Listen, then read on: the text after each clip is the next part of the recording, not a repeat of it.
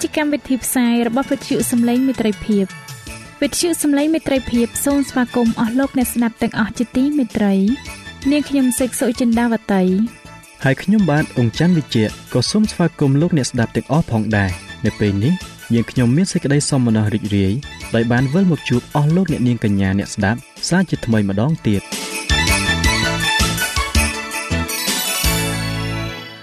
នាងខ្ញុំសេកសុចិន្តាវតី សូមជម្រាបជូនកម្មវិធីផ្សាយដែលមានជាបន្តបន្ទាប់ដូចតទៅនេតិជួបជាមួយព្រះបន្ទូល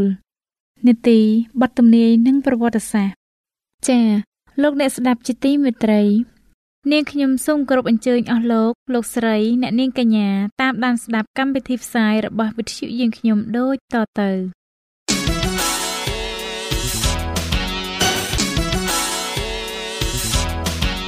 នេតិ ជួបជាមួយព្រះបន្ទូល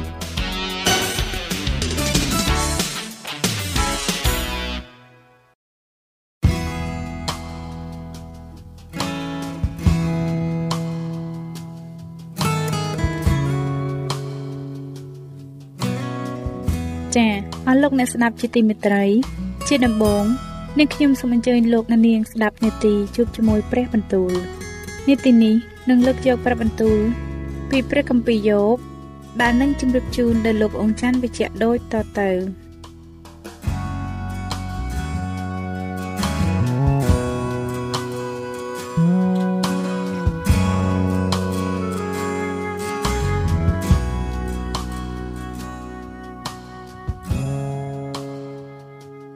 ព្រះគម្ពីរយោបជំពូកទី17ជីវិតខ្ញុំស្បើយអស់ហើយថ្ងៃអាយុខ្ញុំក៏ផុតទៅភ្នោក៏រងចាំខ្ញុំនៅជាមួយនឹងខ្ញុំមានសតតែជាមនុស្សល្អនៅហើយភ្នែកខ្ញុំត្រូវមើលសេចក្តីចាក់រុករបស់គេជានិច្ចសូមទ្រង់ប្រោះមេត្តាធានាឲ្យទូបង្គំចំពោះព្រះអង្គទ្រង់ផងបើពុំនោះតើមានអ្នកណានឹងចាប់ដៃជលព្រមនឹងទូបង្គំបានត្បិតទ្រង់បានមកខាំងចិត្តគេចេញពីយោបល់ហេតុនោះទ្រង់នឹងមិនដំកើងគេឡើងឡើយ គេលួងលោមមិត្តសម្លាញ់ខ្លួនឲ្យតែបានរបឹកហើយកូនចៅគេកាន់តែងងឹតផ្នែកទៅប៉ុន្តែទ្រង់បានធ្វើឲ្យខ្ញុំទៅជាសេចក្តីប្រៀបធៀបដល់មនុស្សទូទៅ ហើយគេស្ដោះដាក់ចំមុខខ្ញុំភ្នែកខ្ញុំក៏ស្រវាំងហើយសេចក្តីទុកព្រួយហើយអវយវៈរូបកាយខ្ញុំទាំងអស់ដូចជាស្រមោលទទេ មនុស្សទៀងត្រង់នឹងមានសេចក្តីអស្ចារ្យពីដំណើរនេះ ហើយមនុស្សផូរផង់ គេនឹងលើកគ្នាទាស់នឹងមនុស្សថ្មិលល្មើចំណែកអ្នកសុចរិតគេនឹងព្យាយាមក្នុងផ្លូវគេ ហើយអ្នកណាដែលមានដៃស្អាតអ្នកនោះនឹងមានកម្លាំងកាន់តែខ្លាំងឡើងត្រង់ឲ្យអ្នករកគ្នាអញ្ជើញមកវិញអាសូមមកចោះតែក្នុងពួកអ្នករកគ្នាខ្ញុំមិនឃើញអ្នកណាមួយដែលមានប្រាជ្ញាឡើយអស់ទាំងថ្ងៃនេះអាយុខ្ញុំបានកន្លងហួសទៅឯសេចក្តីតាំងចិត្តរបស់ខ្ញុំ គឺអស់ទាំងបំណងរបស់ខ្ញុំបានកាត់ផ្ដាច់ហើយក៏ធ្វើឲ្យយប់ដូចជាថ្ងៃវិញឯពន្លឺក៏ប្រហែលគ្នានឹងងងឹតដែរបើកាលណាខ្ញុំសង្ឃឹមនឹងឲ្យបានស្ថានគុំព្រលឹងមនុស្សស្លាប់ទុកជាទីលំនៅខ្ញុំបើខ្ញុំក្រាបកន្ទេលដីរបស់ខ្ញុំនៅស្ថានងងឹតបើខ្ញុំពោលដល់ភ្នូថាឯងជាឪពុកឯងហើយដល់ដង្កូវថាឯងជាម្ដាយឬជាបងប្អូនស្រីឯងយ៉ាងនោះ តើមានសេចក្តីសង្ឃឹមឯណា ចំណែកឯសេចក្តីសង្ឃឹមរបស់ខ្ញុំតើអ្នកណានឹងឃើញបាននោះនឹងចាស់ទៅឯទ្វារនៃស្ថានគុំព្រលឹងមនុស្សស្លាប់ក្នុងការដែលយើងបានសម្រេចជាមួយគ្នាក្នុងធូលីដៃ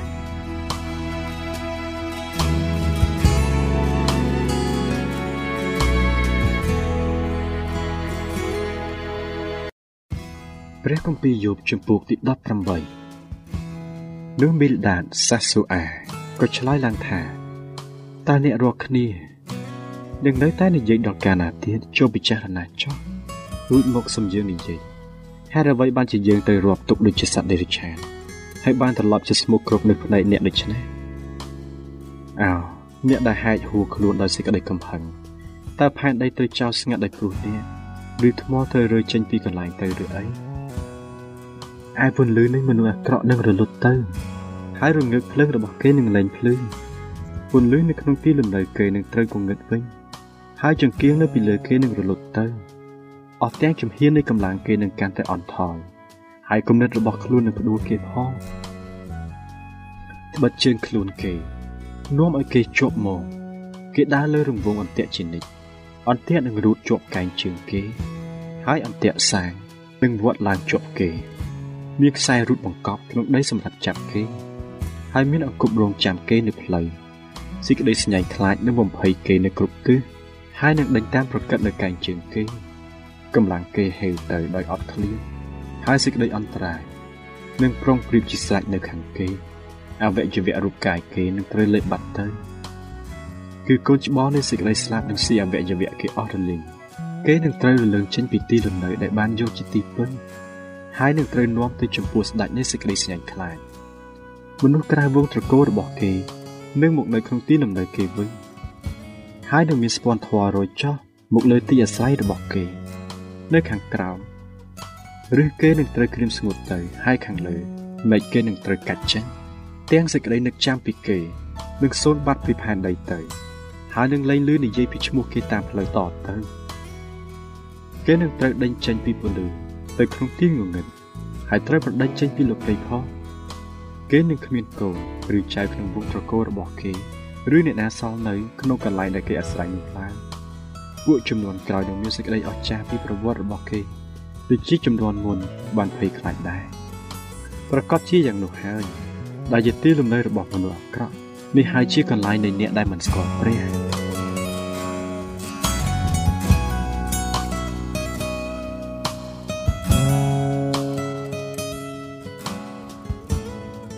ព្រះគម្ពីរយោបជំពូកទី19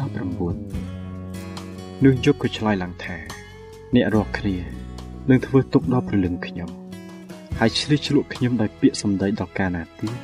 មានទាំង10ដងនេះហើយ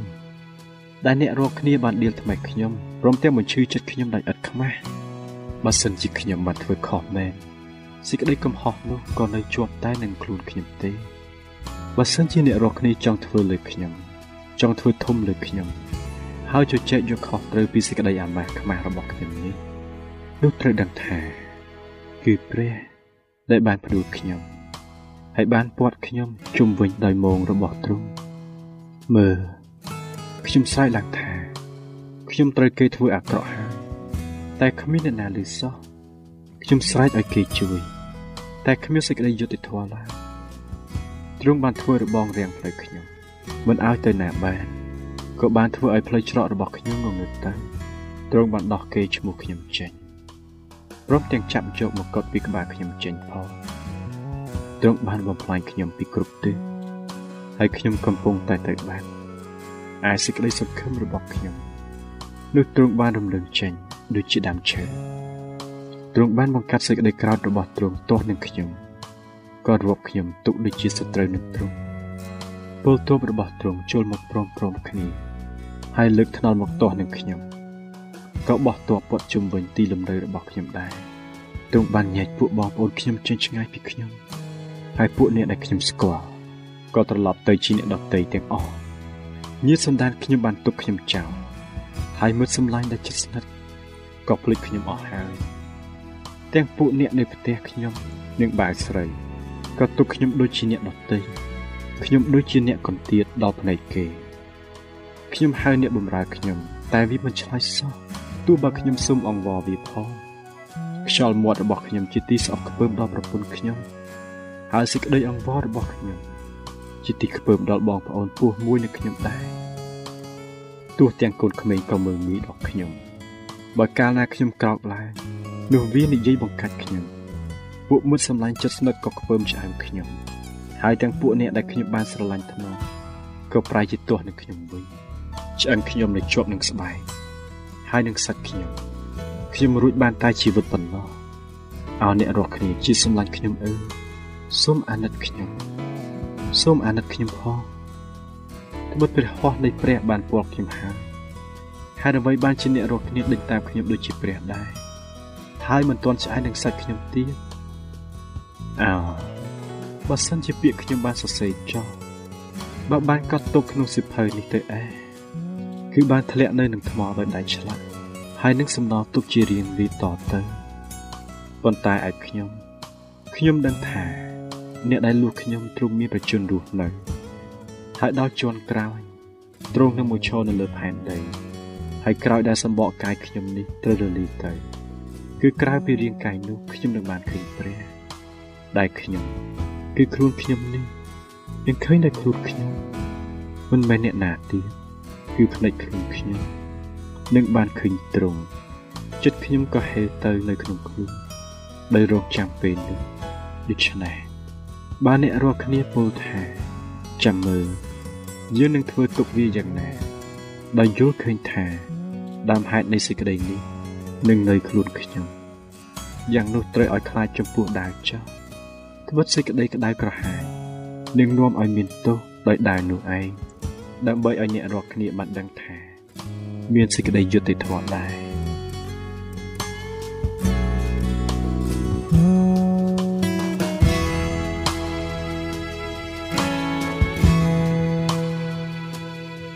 ចា៎ប្រិយមិត្តអ្នកស្ដាប់ជាទីមេត្រី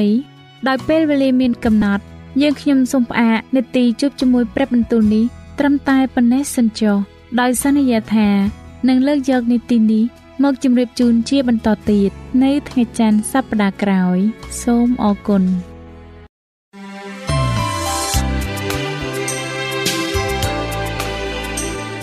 វិទ្យុសំឡេងមេត្រីភាព AWR នាំមកជូនលោកអ្នកនៅសារនៃសេចក្តីសង្ឃឹមសម្រាប់ជីវិត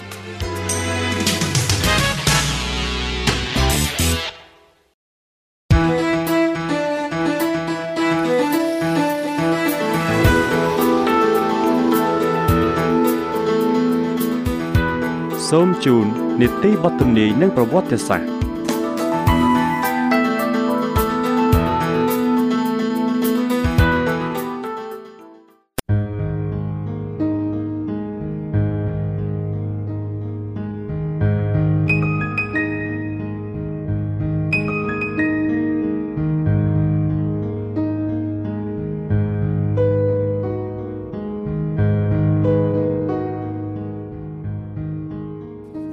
បាទសូមជម្រាបសួរដល់អស់លោកលោកស្រី និងប្រិយមិត្តអ្នកស្ដាប់វិទ្យុសំឡេងមិត្តភាពជាទីមេត្រីសូមឲ្យអស់លោកអ្នកទាំងអស់គ្នាបានប្រកបដោយព្រះគុណនិងព្រះពរតាមរយៈមេរៀននៅថ្ងៃនេះបាទអស់លោកអ្នកស្ដាប់ជាទីមេត្រីនៅភាគទី2នេះលោកអ្នកនឹងបានស្ដាប់អំពីអត្តសញ្ញាណនៃសត្វនាគតើនរណាជាសត្វនាគនៅក្នុងព្រះគម្ពីរហើយលោកអ្នកនឹងបានស្ដាប់នៅចំណុចមួយទៀតដែលថា ការលេចឡើងនៃអំណាចថ្មីតើអំណាចថ្មីនោះបានលេចឡើងមកពីណា ហើយនៅត្រង់ណានៃពិភពលោកយើងនេះបាទដូច្នេះសូមលោកអ្នកតាមដានស្ដាប់ជំពូកទី25ភាគទី2ដូចតទៅអស់លោកអ្នកស្ដាប់ជាទីមេត្រីនិមិត្តរូបទាំងឡាយនៃបទទំនាយគឺបានរកឃើញនៅក្នុងព្រះគម្ពីរវិវរណៈជំពូកទី12នាគដែលរកបំផ្លាញព្រះគ្រីស្ទនៅពេលដែលទ្រង់ចាប់បដិសន្ធិនោះគឺជាសាតាំងវិវរណៈជំពូកទី12ខ9 ព្រោះវាបានបណ្ដាលស្ដេចហេរ៉ូតឲ្យធ្វើគុតដល់ព្រះអង្គសង្គ្រោះប៉ុន្តែភ្នាក់ងាររបស់សាតាំងដែលធ្វើសង្គ្រាមជាមួយនឹងព្រះគ្រីស្ទនិងប្រជារាស្ត្រទ្រង់នៅក្នុងសតវត្សទី1គឺជាចក្រភពរ៉ូមដែលនៅកាលនោះសាសនាដទៃជាសាសនាដែលគេកាន់ច្រើន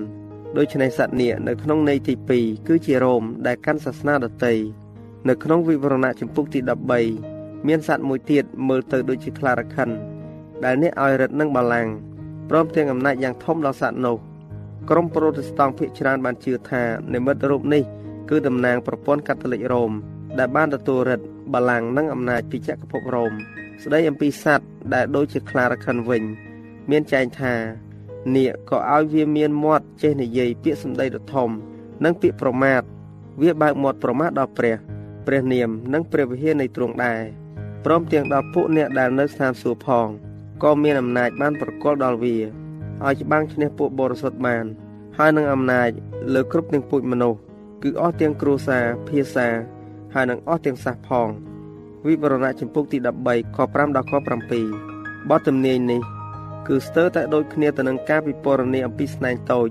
នៅក្នុងព្រះគម្ពីរដានីយ៉ែលចម្ពោះទី7ដែរដែលចង្អុលទៅប្រព័ន្ធកាតូលិករ៉ូមដោយពុំចាំបាច់ឆ្ងល់ព្រះគម្ពីរដានីយ៉ែលនោះបានចែងថា ក៏មានអំណាចនឹងធ្វើការងាររបស់វារវាង42ខែ ជាកំឡុងពេល3ឆ្នាំកន្លះឬស្មើនឹង1260ថ្ងៃនៅក្នុងព្រះគម្ពីរដានីយ៉ែលចំពុកទី7ក្នុងពេលដែលអំណាចកាតូលិករ៉ូមបានជិះជាន់ដល់ប្រជារាស្ត្ររបស់ព្រះកំឡុងពេលនោះដោយបានចែងពីចម្ពោះមុនហើយ គឺចាប់ផ្ដើមឡើង ដោយឧត្តមភាពនៃប្រព័ន្ធកាតូលិករ៉ូមពីឆ្នាំ548នៃគ្រិស្តសករាជ ហើយចប់នៅក្នុងឆ្នាំ1798នៅពេលនោះអំណាចកាតូលិករ៉ូមបានទទួលរបួសដល់ស្លាប់ហើយទំនាយត្រូវបានសម្រេចដោយដែលបានទាយទុកមកថា អ្នកណាដែលដឹកគេឲ្យទៅជាឆ្លើយអ្នកនោះនឹងត្រូវគេដឹកនាំខ្លួនទៅជាឆ្លើយដែរអស់លោកអ្នកស្ដាប់ជាទីមេត្រី ការលេចឡើងនៃអំណាចថ្មី មកដល់ចំណុចនេះនិមិត្តរូបមួយទៀតដែលបានលេចឡើងថាខ្ញុំក៏ឃើញសត្វសាហាវមួយទៀតលេចចេញពីដីមក វាមានស្នែងពីរដូចជាកូនជៀមតែពោលពាកដូចជាសត្វនាគវិញវិវរណៈចំពុកទី13ខ11ប្រទេសជាតិនេះ គឺពុំដូចជាប្រទេសទាំងនោះ ដែលបានសម្ដែងក្រោមនិមិត្តរូបពីមុនទេនគរដ៏ធំធំដែលបានគ្រប់គ្រងពិភពលោក គឺបានសម្ដែងដល់ហារ៉ាដានញ៉ែលជាសត្វដែលបានលេចឡើងនៅពេលដែលខ្យល់ទាំង4នៅលើអាកាសធ្លាក់ចុះមកលើមហាសមុទ្រដានញ៉ែលចំពុកទី7ខ2នៅក្នុងព្រះគម្ពីរវិរណៈ ចំពុក17ខ15វិញទេវតាបានបញ្យល់ថាទឹកគឺតំណាងប្រជាជន ជាមនុស្សទាំងឡាយគ្រប់សាសគ្រប់ភាសាខ្យល់គឺតំណាងចលាចលខ្យល់ទាំង4ទិសដែលបក់មកលើមហាសមុទ្រតំណាងទស្សនីយភាពនៃការប្រយុទ្ធនិងបដិវត្តដ៏អាក្រក់ដែលនគរទាំងប៉ុន្មានបានបង្កើតឡើងដើម្បីកាន់អំណាចប៉ុន្តែសត្វដែលមានស្នែងដូចជាជាមត្រូវបានឃើញឡើងចេញពីដី ជាជាងទម្លាក់អំណាចនៃប្រទេសដទៃទៀតដើម្បីដំកើងខ្លួនឯងប្រទេសនេះត្រូវតែលេចឡើងនៅក្នុងតំបន់ដែលគ្មាននរណាគ្រប់គ្រងពីមុនហើយបានលូតលាស់ឡើងដោយសន្តិភាពប្រទេសនេះត្រូវរកឃើញនៅទ្វីបខាងលិចតើប្រទេសនៃដែនដីថ្មីណា ដែលនៅក្នុងឆ្នាំ1798បានលេចឡើងមានអំណាចហើយអះអាងនៅកម្លាំងថ្មីខ្លាំងក្លាហើយទាក់ស្មារតីពិភពលោកនោះ មានតែប្រទេសមួយគត់ ដែលត្រូវនឹងបទទំនាយនេះ គឺសហរដ្ឋអាមេរិកបាទនៅក្នុងករណីពរនីអំពីដំណើរលូតឡើងនៃប្រទេសនេះអ្នកប្រវត្តិសាស្ត្របានប្រើពាក្យដោយមិនដឹងខ្លួនថាអ្វីដែលខ្លួនបានសរសេរគឺស្ទើរតែដូចគ្នាទៅនឹងសំណេររបស់ហោរាអ្នកនិពន្ធដ៏ល្បីល្បាញម្នាក់បានថ្លែងថាអត្ថកម្បាំងនៃការលេចឡើងពីកន្លែងទទេហើយបានមានប្រសាសន៍ថាដូចជាគ្រាប់ពូជមួយ ហើយបានលូតលាស់ឡើង ទៅជាចក្រភព ទស្សនាវដ្តីអឺរ៉ុបនៅក្នុងឆ្នាំ1890បានថ្លែងពីសហរដ្ឋអាមេរិកថាបានលេចធ្លោឡើងហើយនៅក្នុងភាពស្ងប់ស្ងាត់នៃផែនដី វាមានអំណាចនិងរឹកក្អេងក្អាងរាល់ថ្ងៃវាមានស្នែងពីរដូចជាកូនជៀមស្នែងដូចជាជៀមបង្ហាញពីយុវភាព ភាពស្លូតបូតនិងភាពទន់ភ្លន់ក្នុងចំណោមជននិរទេសគ្រីស្ទៀនដែលបានកិច្ចខ្លួនទៅសហរដ្ឋអាមេរិកពីអំណាចជិះជាន់របស់ស្ដេចនិងពីការបៀតបៀនរបស់ពួកសង្ឃ ពួកគេភាគច្រើនជាអ្នកតាំងចិត្តតស៊ូដើម្បីកសាងសេរីភាពស៊ីវិលនិងសេរីភាពសាសនាសេចក្តីប្រកាសឯករាជ្យបានបន្លិចចេញពីការពិតថាមនុស្សគ្រប់រូបត្រូវបានបង្កើតមកទាំងមានសិទ្ធិសេរីភាពស្មើគ្នា ហើយបានប្រកបដោយសិទ្ធិនឹងទទួលជីវិតសេរីភាព និងការស្វែងរកសុភមង្គលដែលពុំអាចដកចេញបានរដ្ឋធម្មនុញ្ញបានធានាឲ្យប្រជាជន នៅសិទ្ធិគ្រប់គ្រងដោយខ្លួនឯងឲ្យតែអ្នកតំណាងរាស្ត្រ ដែលបានជ្រើសរើសដោយសញ្ញាឆ្នោតច្រើននោះអនុម័តឲ្យតាក់តែងច្បាប់សេរីភាពនៃជំនឿសាសនាក៏បានអនុញ្ញាតឲ្យមានដែរសាធារណរដ្ឋនិយម និងប្រូតេស្តង់និយម បានក្លាយទៅជាគោលការណ៍ដ៏សំខាន់របស់ជាតិហើយនេះជាភាពសម្ងាត់នៃអំណាចនិងការរីកចម្រើនរបស់វាមនុស្សរាប់លាននាក់បានឆ្លងមកតាំងទីលំនៅ ហើយសហរដ្ឋអាមេរិកបានលូតឡើងនៅក្នុងចំណោមប្រទេសមានអំណាចបំផុតនៅផែនដីបាទប្រិយមិត្តអ្នកស្ដាប់ជាទីមេត្រី ការផ្ទុយគ្នាដ៏ច្បាស់ក្រឡែតប៉ុន្តែសត្វដែលមានស្នែងដូចជាជាមពូលពាកដូចជាអ្នកវិញក៏ប្រព្រឹត្តដោយនៅគ្រប់ទាំងអំណាចរបស់សត្វទី1នៅមុខអ្នកនោះទៀងបណ្ដាលឲ្យផែនដី និងអ្នកនៅផែនដី បានក្រាបថ្វាយបង្គំដល់សត្វទី1ដែលមានរបួសដល់ស្លាប់នោះ តែបានជាសះវិញក៏បានប្រាប់ដល់ពួកអ្នកនៅផែនដីឲ្យធ្វើរូបសត្វនោះ ដែលត្រូវរបួសនឹងដាវតែបានរស់វិញវិវរណៈចំពុកទី13ខ11រហូតដល់ខ14 ស្នែងដូចជាកូនជាមនឹងនាគចង្អុលប្រាប់ថាមានភាពផ្ទុយគ្នា ការទាយថាវានឹងពោលដូចជាសត្វនាគហើយប្រព្រឹត្តដោយនៅគ្រប់ទាំងអំណាចរបស់សត្វទី1គឺសំដៅលើកិរិយា មិនអត់ធ្មត់នឹងការធ្វើទុកបុកម្នេញដែលអនុវត្តដោយនាគនិងសត្វដូចជាខ្លារខិន ហើយប្រយោគដែលថាសត្វមានស្នែងពីរដែលបណ្ដាលឲ្យផែនដី និងអ្នកដែលនៅផែនដី បានក្រាក់ថ្វាយបង្គំដល់សត្វទី1នោះបង្ហាញថាប្រទេសនេះ នឹងប្រើអំណាចបង្ខំឲ្យគេគោរពដល់ប្រព័ន្ធកាតូលិកអំពើរបៀបនេះនឹងផ្ទុយទៅនឹងសេចក្តីឃ្លាខ្លានៃច្បាប់សេរីផ្ទុយទៅនឹងសច្ចាប្រណធាននៃសេចក្តីប្រកាសឯករាជ្យនិងរដ្ឋធម្មនុញ្ញហើយរដ្ឋធម្មនុញ្ញបានចែងមកថាសភានឹងមិនត្រូវធ្វើច្បាប់ចំពោះការស្ថាបនានៃសាសនាណាមួយឬហាម5ការអនុវត្តដោយសេរីនៅសាសនានោះឡើយហើយនឹងមិនត្រូវការសាកល្បងខាងសាសនា ដើម្បីឲ្យបានចូលទៅក្នុងក្រសួងសាធារណៈណាមួយក្នុងសហរដ្ឋអាមេរិកឡើយការរំលោភដ៏ជាក់ស្ដែង ដែលមិនឲ្យសេរីភាពចំពោះសេចក្តីអះអាងទាំងនេះគឺតំណាងឲ្យនិមិត្តរូបវិញ តាមសេចក្តីអះអាងនោះសត្វដែលមានស្នែងដូចជាជៀមគឺបរិសុទ្ធសុភាពហើយស្លូតបូតតែពោលពាក្យដូចជាអ្នកវិញក៏ប្រាប់ដល់ពួកអ្នកនៅផែនដីឲ្យធ្វើរូបសត្វនោះនេះគឺជាការសម្ដែងទម្រង់រដ្ឋាភិបាល ដែលអំណាចបង្កើតច្បាប់ គឺស្រេចទៅលើប្រជាជន ហើយជាពោះតាងយ៉ាងជាក់លាក់បំផុតថាប្រទេសដែលសម្ដៅទៅនោះគឺសហរដ្ឋអាមេរិកប៉ុន្តែតើអ្វីទៅជារូបសត្វតើវានឹងមានរូបយ៉ាងណាទៅ នៅពេលដែលវិហារចំនួនដើមបានពុករលួយទៅ គេក៏បានរកការគ្រប់គ្រងពីអំណាចលោកីលទ្ធផលគឺប្រព័ន្ធកាតូលិករ៉ូមដែលជាព្រះវិហារគ្រប់គ្រងរដ្ឋជាពិសេសខាងការដាក់ទណ្ឌកម្មចំពោះលទ្ធិខុសឆ្គងដើម្បីឲ្យសហរដ្ឋអាមេរិកធ្វើរូបសត្វនោះបាន អំណាចសាសនាត្រូវតែប្រគល់ដល់រដ្ឋាភិបាលស៊ីវិលហើយរដ្ឋត្រូវធ្វើការក្រោមការត្រួតត្រារបស់ព្រះវិហារដើម្បីឲ្យបានសម្រេចគោលបំណងរបស់ខ្លួន វិហារប្រូតេស្តង់ដែលតាមជំហានរបស់រ៉ូមបានសម្ដែងបំណងប្រហាក់ប្រហែលគ្នា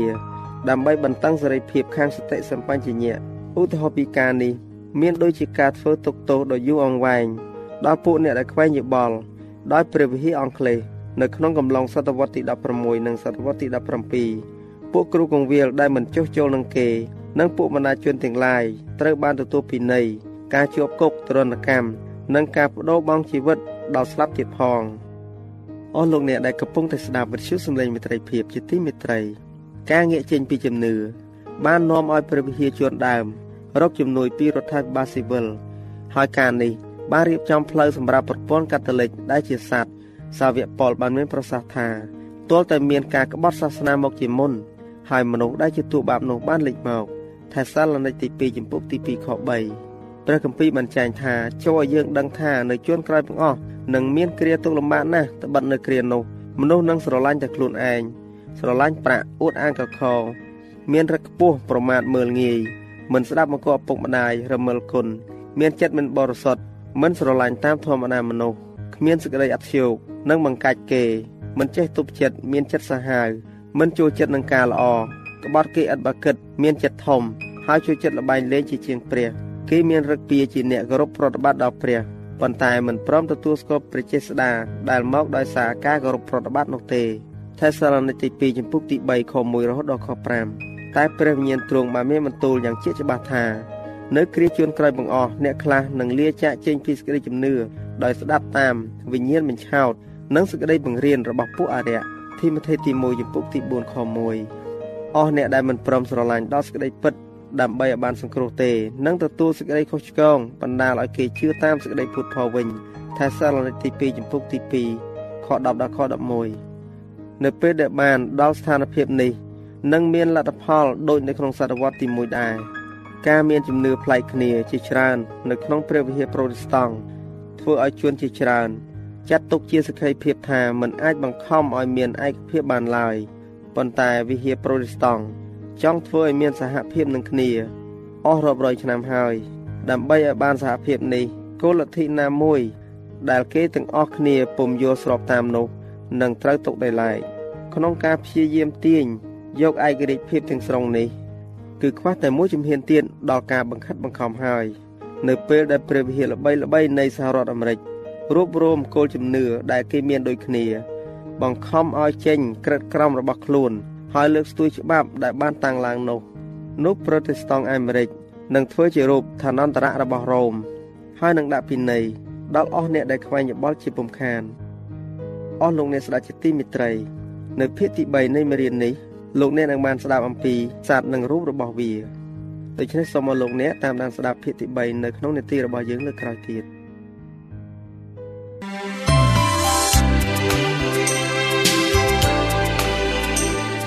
វិទ្យុសំឡេងមេត្រីភាព AWR មានផ្សាយពីរដងក្នុងមួយថ្ងៃគឺព្រឹកនៅម៉ោង6និងពេលយប់នៅម៉ោង8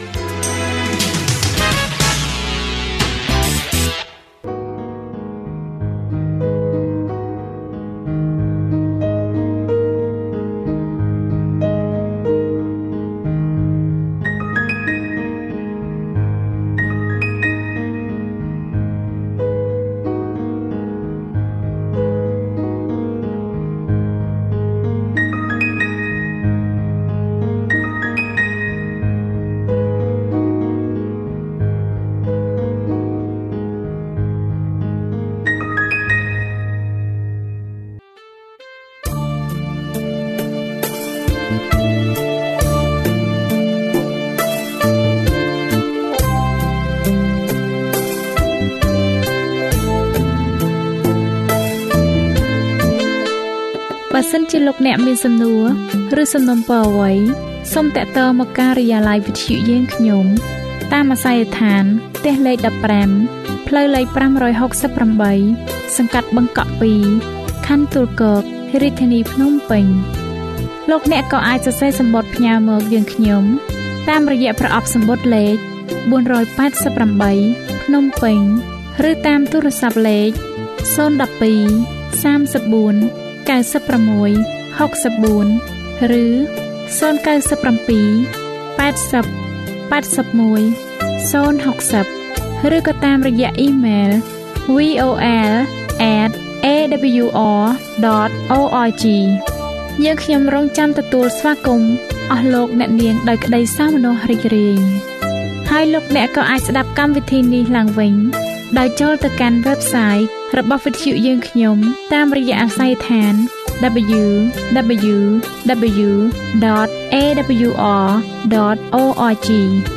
លោកអ្នកនាងកញ្ញាជាទីមេត្រី កម្មវិធីផ្សាយរបស់វិទ្យុសំឡេងមេត្រីភាពនៅពេលនេះសូមបញ្ចប់តែប៉ុណ្ណេះយើងខ្ញុំសូមអរគុណចំពោះការតាមដានស្ដាប់របស់អស់លោកអ្នកតាំងពីដើមរហូតដល់ចប់